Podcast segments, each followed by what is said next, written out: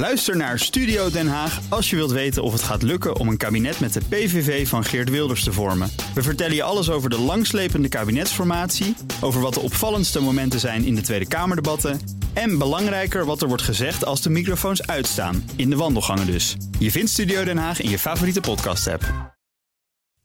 De column van Paul Lasseur. Het was weer een week met veel maatschappelijk verantwoord ondernemen, vol goede bedoelingen.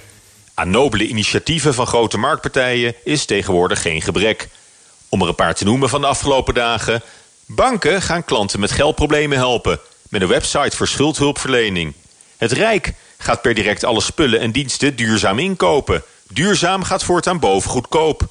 Grootverbruikers van palmolie, zoals Unilever en Nestlé... gaan radarbeelden van satellieten gebruiken... in de strijd tegen ontbossing. In landen als Maleisië en Indonesië... waar op grootschaal oerbossen worden gekapt... om plaats te maken voor oliepalmplantages. En dan vergeet nog bijna de oprichting van een speciaal investeringsfonds... voor vrouwelijke ondernemers.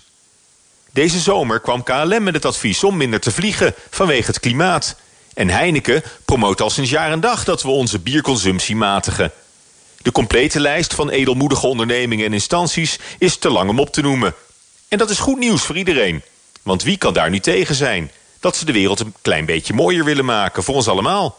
Niks mis met goede bedoelingen zou je zeggen. De vraag is alleen of het ook echt wat uithaalt. Gaan al die goed bedoelde initiatieven een verschil maken?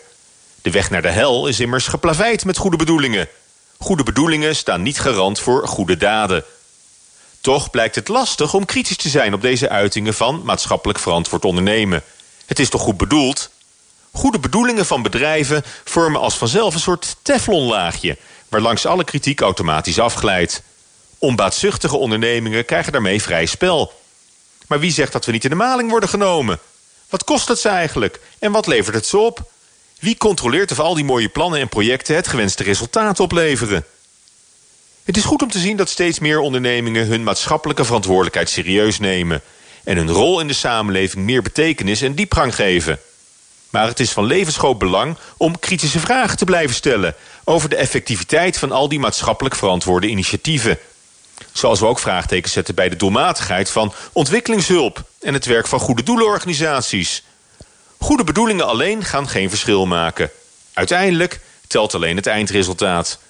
Ook bij hun maatschappelijke intenties zullen ondernemingen uiteindelijk op de resultaten moeten worden afgerekend. Zoals het hoort in het bedrijfsleven. Niemand zal daar raar van opkijken. Prettige maandag. Alles uur. Dat zijn altijd zijn laatste woorden. Dan kunt u hun columns allemaal terugluisteren op bnr.nl, uh, in de BNR-app. Noem maar op. En dan kunt u ook alle podcasts vinden. Bij BNR ben je altijd als eerste op de hoogte van het laatste nieuws. Luister dagelijks live via internet. Bas van Werven. En heel langzaam komt de zon op rond dit tijdstip. Je krijgt inzicht in de dag die komt op BNR, het Binnenhof in Nederland en de rest van de wereld. De Ochtendspits. Voor de beste start van je werkdag. Blijf scherp en mis niets.